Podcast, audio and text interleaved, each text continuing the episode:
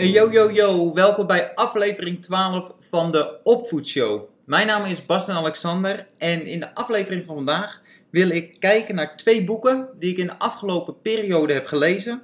En de belangrijkste opvoedtips die ik eruit heb gehaald en die ook passen bij mijn visie hoe ik kijk naar de opvoeding.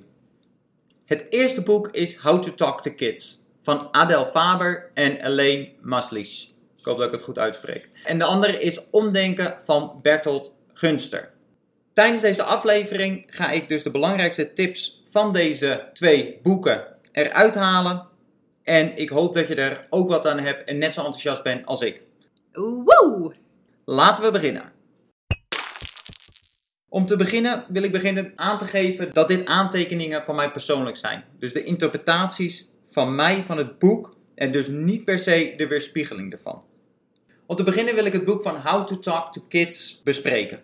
Zoals de titel van het boek aangeeft, gaat het dus om van hoe je tegen kinderen praat. Hoe je effectief kunt communiceren om je kind te kunnen helpen, conflicten te vermijden en voor jezelf energie over te houden. Tijdens het boek kruipt het eigenlijk heel erg in de rol van het kind. Op het moment dat jij communiceert met je kind, hoe komt het dan over in de belevingswereld van het kind? Daarbij worden dan ook situaties zeg maar, als vergelijking geschetst, hoe wij als volwassenen er tegenaan zouden kijken als een soortgelijke situatie in de volwassen wereld het zou overkomen. Want waar het om gaat is dat we heel erg reageren vanuit een instinct. We zien de wereld om ons heen gebeuren en we reageren erop. We zien het gedrag van ons kinderen en we reageren erop. En hierbij vergeten we soms om het perspectief van het kind te zien.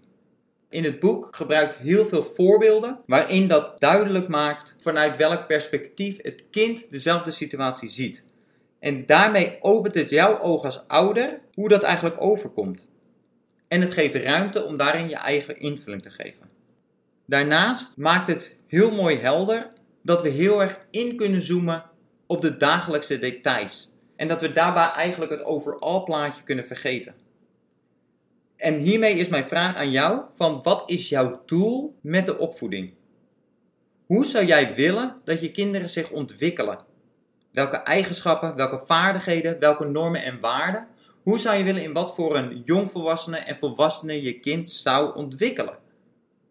En deze antwoorden, de antwoorden op deze vragen, om die specifiek te weten, helpt je nu om te reageren op specifieke situaties. Laat me dat duidelijker zeggen. Je kunt met bepaalde situaties beslissen om erop te reageren of niet. Door jezelf steeds die vraag te stellen: helpt dit om het uiteindelijke doel te bereiken of niet? En op het moment dat dit het doel niet bereikt, kun je het laten gaan. Tijdens mijn coaching hoor ik heel veel ouders uit principe opvoeden. Het hoort nu eenmaal zo. Mijn kind moet nu eenmaal dit of dat kunnen of leren of zien. En wat er gebeurt is dat ze dus heel vaak in een conflict komen die niet het uiteindelijke doel bespoedigt of helpt, maar dat het gewoon puur uit een principe is omdat het nu eenmaal zo hoort.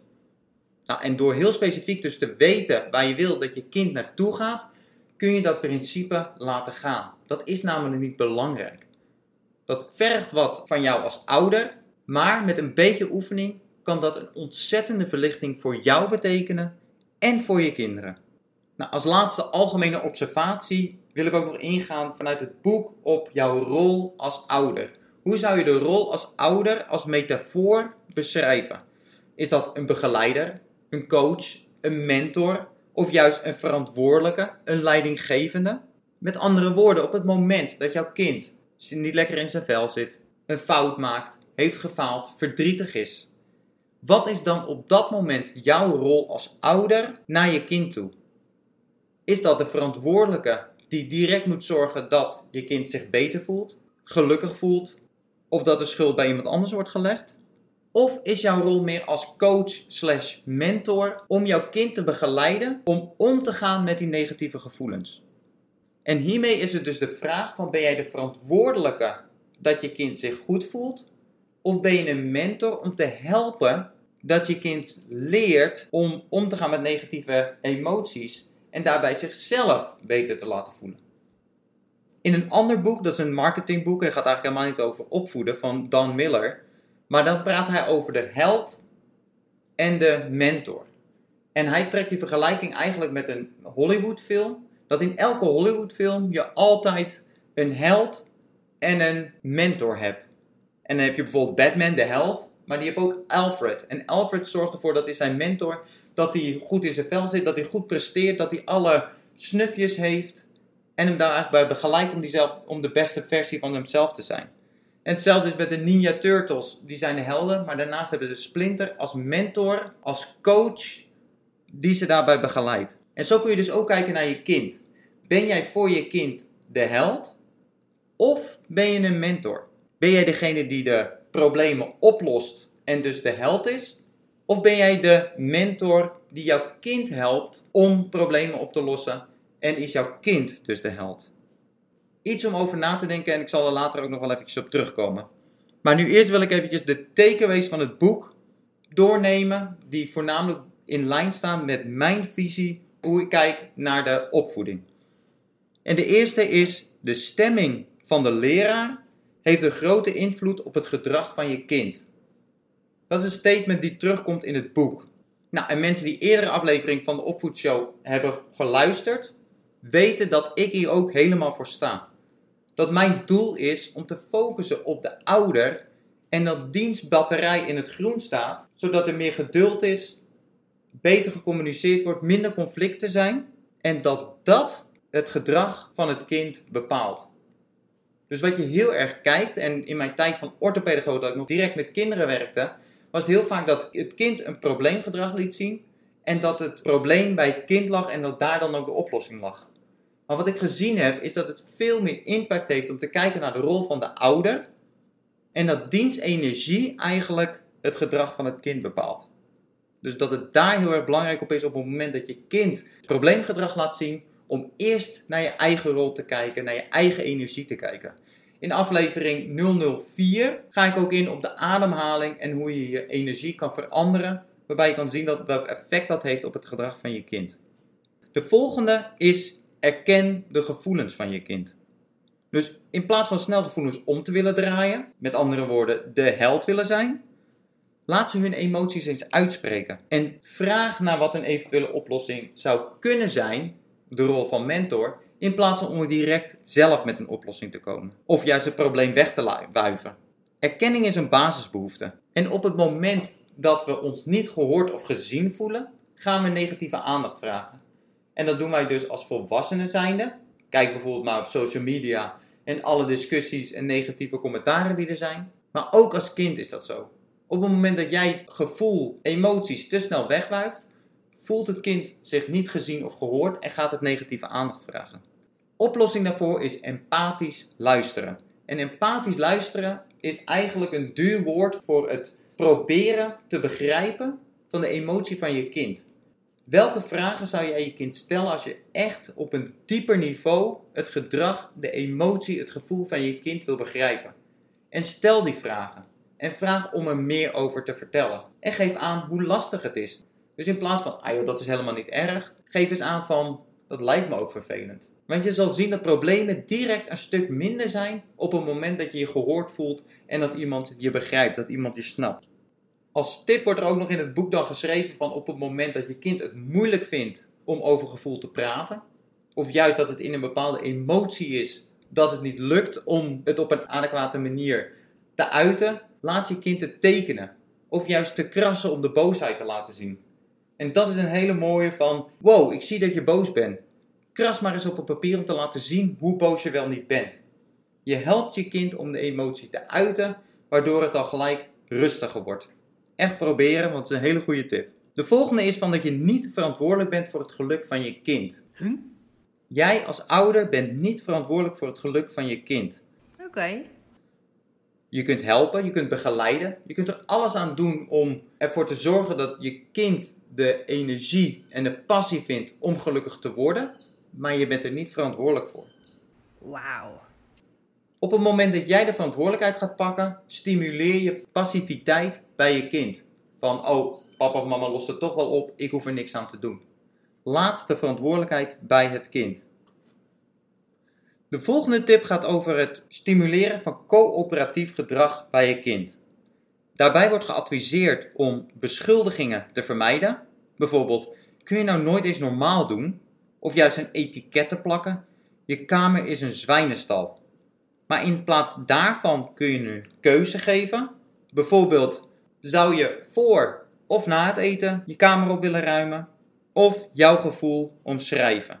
En dan gaat het er weer om van wat jij erbij voelt op het moment dat de kamer een bende is. Ik vind het altijd vervelend als de kamer niet is opgeruimd. Zou je me willen helpen bij het opruimen van de kamer? Op deze manier stimuleer je coöperatief gedrag. Vervolgens gaat het over het eigenwaarde van je kind vergroten. En dat kun je doen door gewenst gedrag te prijzen, namelijk alles wat je aandacht geeft groeit, en dat te doen door een specifiek compliment te geven. Dus in plaats van een algemeen compliment van je bent geweldig, om het specifiek te maken. Ik word er altijd zo blij van als je zelf je bord naar de keuken brengt.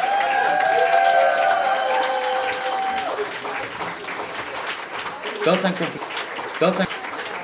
Ja. Dankjewel. Dat zijn complimenten die positiviteit, wat de eigenwaarde van het kind stimuleert. En als laatste is het bevrijd je kind van een rol. Weet je het Pygmalion effect nog van aflevering 2? Dat gaat erom dat jouw verwachtingen het gedrag van het kind bepalen. En door je kind te bevrijden van een rol betekent het eigenlijk dat je het gedrag van het kind dat ook laat zijn. Het gedrag van het kind en niet de identiteit. Want een identiteit die verander je niet zomaar. Je handelt altijd, en dat is bij iedereen zo, altijd vanuit je identiteit. Maar op het moment dat het gedrag is, dat kun je veranderen en dat kun je aanpassen. Nou, zoals gezegd, in het boek staan een hele hoop handvatten voor wat je als ouder in welke situatie kunt zeggen en wanneer. En uiteraard kan dit soms overweldigend zijn, want er zijn zoveel situaties en elke situatie staat weer op zichzelf en is weer uniek, waardoor het soms op zo'n manier overweldigend kan zijn dat je elk woord wat je zegt gaat meten. En dat je dus constant van, oh zeg ik het wel goed en dat je dat afvraagt. Mijn advies daarbij zou zijn om in plaats van te kijken of elk woord wel goed is, om veel meer te kijken naar de mindset. Naar op welke manier je de situatie ingaat. En daarvan zou ik twee tips willen geven. En de ene is dus jezelf af te vragen: ben ik nu de held of ben ik de mentor? En de andere is om te kijken: focus ik op gedrag of identiteit? Label ik nu een rol bij mijn kind of hou ik het bij het gedrag? Dat zijn de twee belangrijkste dingen waar je naar kunt kijken. En let op, we gaan niet voor perfectie, maar voor progressie. Dus als dit een keer gebeurt, geen enkel probleem. Die eerste stap gaat altijd over bewustwording. Erop letten hoe je tegen je kinderen praat. En op het moment dat je dat doet en jezelf niet veroordeelt of de grond instand omdat het weer verkeerd is gegaan, maar juist gewoon kijkt van oké, nu heb ik het misschien niet op de juiste manier gezegd, hoe zou ik het wel de juiste manier kunnen doen? Op die manier word je er steeds meer bewust van en ga je ook die bewustwording voordat je het zegt krijgen, waardoor je het direct kunt aanpassen in de situatie. Dat waren mijn aantekeningen en de belangrijkste dingen uit het boek How to Talk to Kids. Wat mij betreft echt een aanrader om te lezen, juist vanwege de situaties en de voorbeelden die erin staan en een stukje bewustwording van hoe jij als ouder naar je kind kijkt en hoe bepaalde dingen voor je kind over kunnen komen. Dingen die voor jou geen big deal zijn en makkelijk op te lossen zijn, kunnen wel een big deal voor je kind zijn. Absoluut een aanrader om How to Talk to Kids te lezen. Het tweede boek wat ik vandaag wil bespreken heet Omdenken. En ik ben altijd een groot fan van dit soort boeken. Omdat met omdenken de manier is om eigenlijk dezelfde situatie, maar vanaf een ander perspectief te zien, waardoor eigenlijk de hele situatie verandert voor jezelf. En omdenken is een manier waarop je naar problemen kijkt. Het tegenovergestelde is vastdenken. En vastdenken is eigenlijk van, we hebben een probleem, problemen zijn slecht, daar moeten we zo snel mogelijk vanaf komen. Dus je doet direct alles aan om het eigenlijk op te lossen, om het probleem te verdwijnen. En op het moment dat dat niet lukt, raak je gefrustreerd, voel je het slachtoffer ervan en wordt dat probleem eigenlijk alleen maar groter. Bertolt Gunster die beschrijft dat deze manier van denken, dat vastdenken, dat dat niet werkt. Omdat vaak als je een oplossing hebt, dat de oplossing ook weer een nieuw probleem veroorzaakt. En als voorbeeld is bijvoorbeeld, je, gaat, je wil afvallen en daarvoor los je dat op door een membership bij de sportschool te nemen. Maar vervolgens levert dat allerlei andere problemen op van dat je ook daadwerkelijk naar de sportschool moet gaan. Dat je er tijd voor vrij moet maken, motivatie, consistentie, etcetera, etcetera. Van dat eigenlijk problemen er dus altijd zullen zijn. En dat op het moment dat je het ene probleem oplost, dat het volgende zich, zich wel weer aandient. Dus om op die manier naar problemen te kijken, je eigenlijk altijd gefrustreerd raakt en een slachtoffer bent van problemen. Omdenken is dus op een andere manier naar een probleem te kijken. Door er niet het slachtoffer van te zijn, komt het probleem direct al in een ander daglicht te staan. Nou, en dan beschrijft hij een aantal stappen wat je kunt doen om te omdenken. En de eerste is om ja te zeggen tegen het probleem en daarmee te accepteren dat problemen ontstaan. Te accepteren dat we er nooit van af zullen komen dat we geen probleem hebben. Door in plaats van je te verzetten tegen het probleem, het te accepteren. Stap 2 is om te kijken hoe je van het probleem een voordeel kan maken. Bijvoorbeeld, je staat elke dag voor je werk in de file. Een probleem waar je niks aan kan doen. Je kan er boos om worden, je kan er gefrustreerd om raken, maar het verandert niet. In plaats van daar slachtoffer van te zijn en gefrustreerd te voelen, kijk naar voordelen die je eruit kan halen. Dat is dus tijd wat je echt voor jezelf kan besteden. Je kan een audiotape bestellen en je kan een nieuwe taal leren of andere nieuwe eigenschappen leren tijdens die tijd in de file. Waardoor je het positief gebruikt en waardoor je dus eigenlijk blij mee bent dat je in de file staat. Want dan heb je dus tijd voor jezelf, even weg bij de kinderen en waarbij je iets nieuws kunt leren. Stap 3 is door te kijken zonder jouw eigen invulling eraan te geven. Waarbij Berthold Gunsten aangeeft dat 5% van het probleem is eigenlijk maar waarneembaar. En 95% is gebaseerd op invulling door herinneringen, verwachtingen en vooroordelen. Door met een nieuw perspectief te kijken, dus door jezelf andere vragen te stellen over het probleem, kom je vaak al op hele andere inzichten. In het boek van Omdenken heb jij even geluk. Kijkt Bertolt Gunster ook naar omdenken in de opvoeding. En daarbij kijkt hij dus naar het lastige gedrag van het kind. En om dat niet ongewenst of als een probleem te zien, maar juist hoe je dat kunt gebruiken.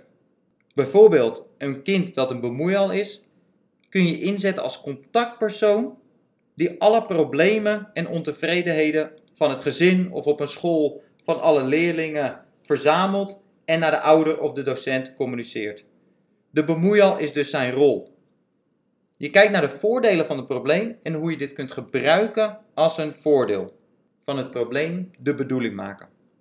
Daarnaast jezelf afvragen van waar komt dat lastige gedrag vandaan? Wat is het verlangen van je kind? Wat wil het hiermee bereiken? Probeer hier achter te komen in plaats van het lastige gedrag te stoppen. Wat je kan doen bij omdenken in de opvoeding is om jezelf vier vragen te stellen. De eerste vraag is: wat is het probleem? En dat is dus die achterliggende reden waarom iemand probleem, probleemgedrag laat zien. Brutaal is, of te lang achter de iPad zit, of niet luistert. De tweede vraag is om jezelf af te vragen: is het wel echt een probleem? Of is het meer een principe, omdat het gewoon zo hoort? Weet je nog bij How to Talk to Kids, waar we er ook op ingingen van in plaats van uit principe opvoeden, kijk naar het grotere geheel. Wat is het doel van de opvoeding? En is het dan ook echt wel een probleem? Of is het meer omdat je denkt dat anderen er een mening over zullen hebben?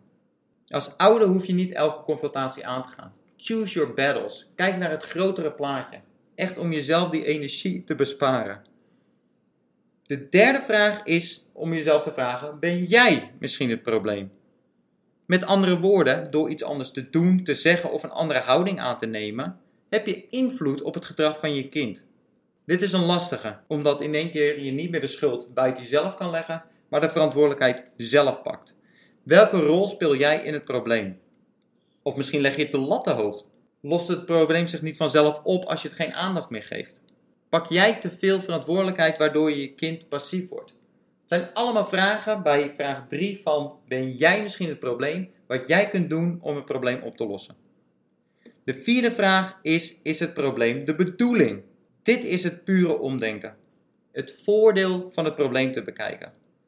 Je kind heeft bijvoorbeeld ADHD en is het een probleem omdat het niet stil kan zitten bij het lezen van een boek? Of is het juist een verademing en is het juist een kracht vanwege de creativiteit en de energie die je kind heeft? Het is een tegengeluid van zo hoort het nu eenmaal. Kijk naar wat voor een kracht het probleemgedrag met zich meeneemt. Stel het zou de bedoeling zijn, op welke manier kun je het gebruiken? En daarbij is het dus echt van wat is de bedoeling van de opvoeding? Wat is die is dat overal doel. Ook omdenken raad ik zeker aan om eens naar te kijken, om eens te lezen. Om eens bij problemen jezelf te vragen van hoe zou ik dit kunnen omdenken, hoe zou ik hier anders naar kunnen kijken. Dit waren gewoon maar mijn aantekeningen van wat ik eruit gehaald heb. En ik wil het graag met je delen omdat ik denk dat er absoluut goede tips in staan. Als je er nou meer over wilt weten, dan heb ik een link in de show notes staan naar uh, bol.com waarin je de boeken kunt aanschaffen en verder kunt lezen over deze tips. En dan is het alweer tijd voor de challenge. Voor deze week zou ik je willen uitdagen. Dat is dan vanuit het How to Talk to Kids gedeelte.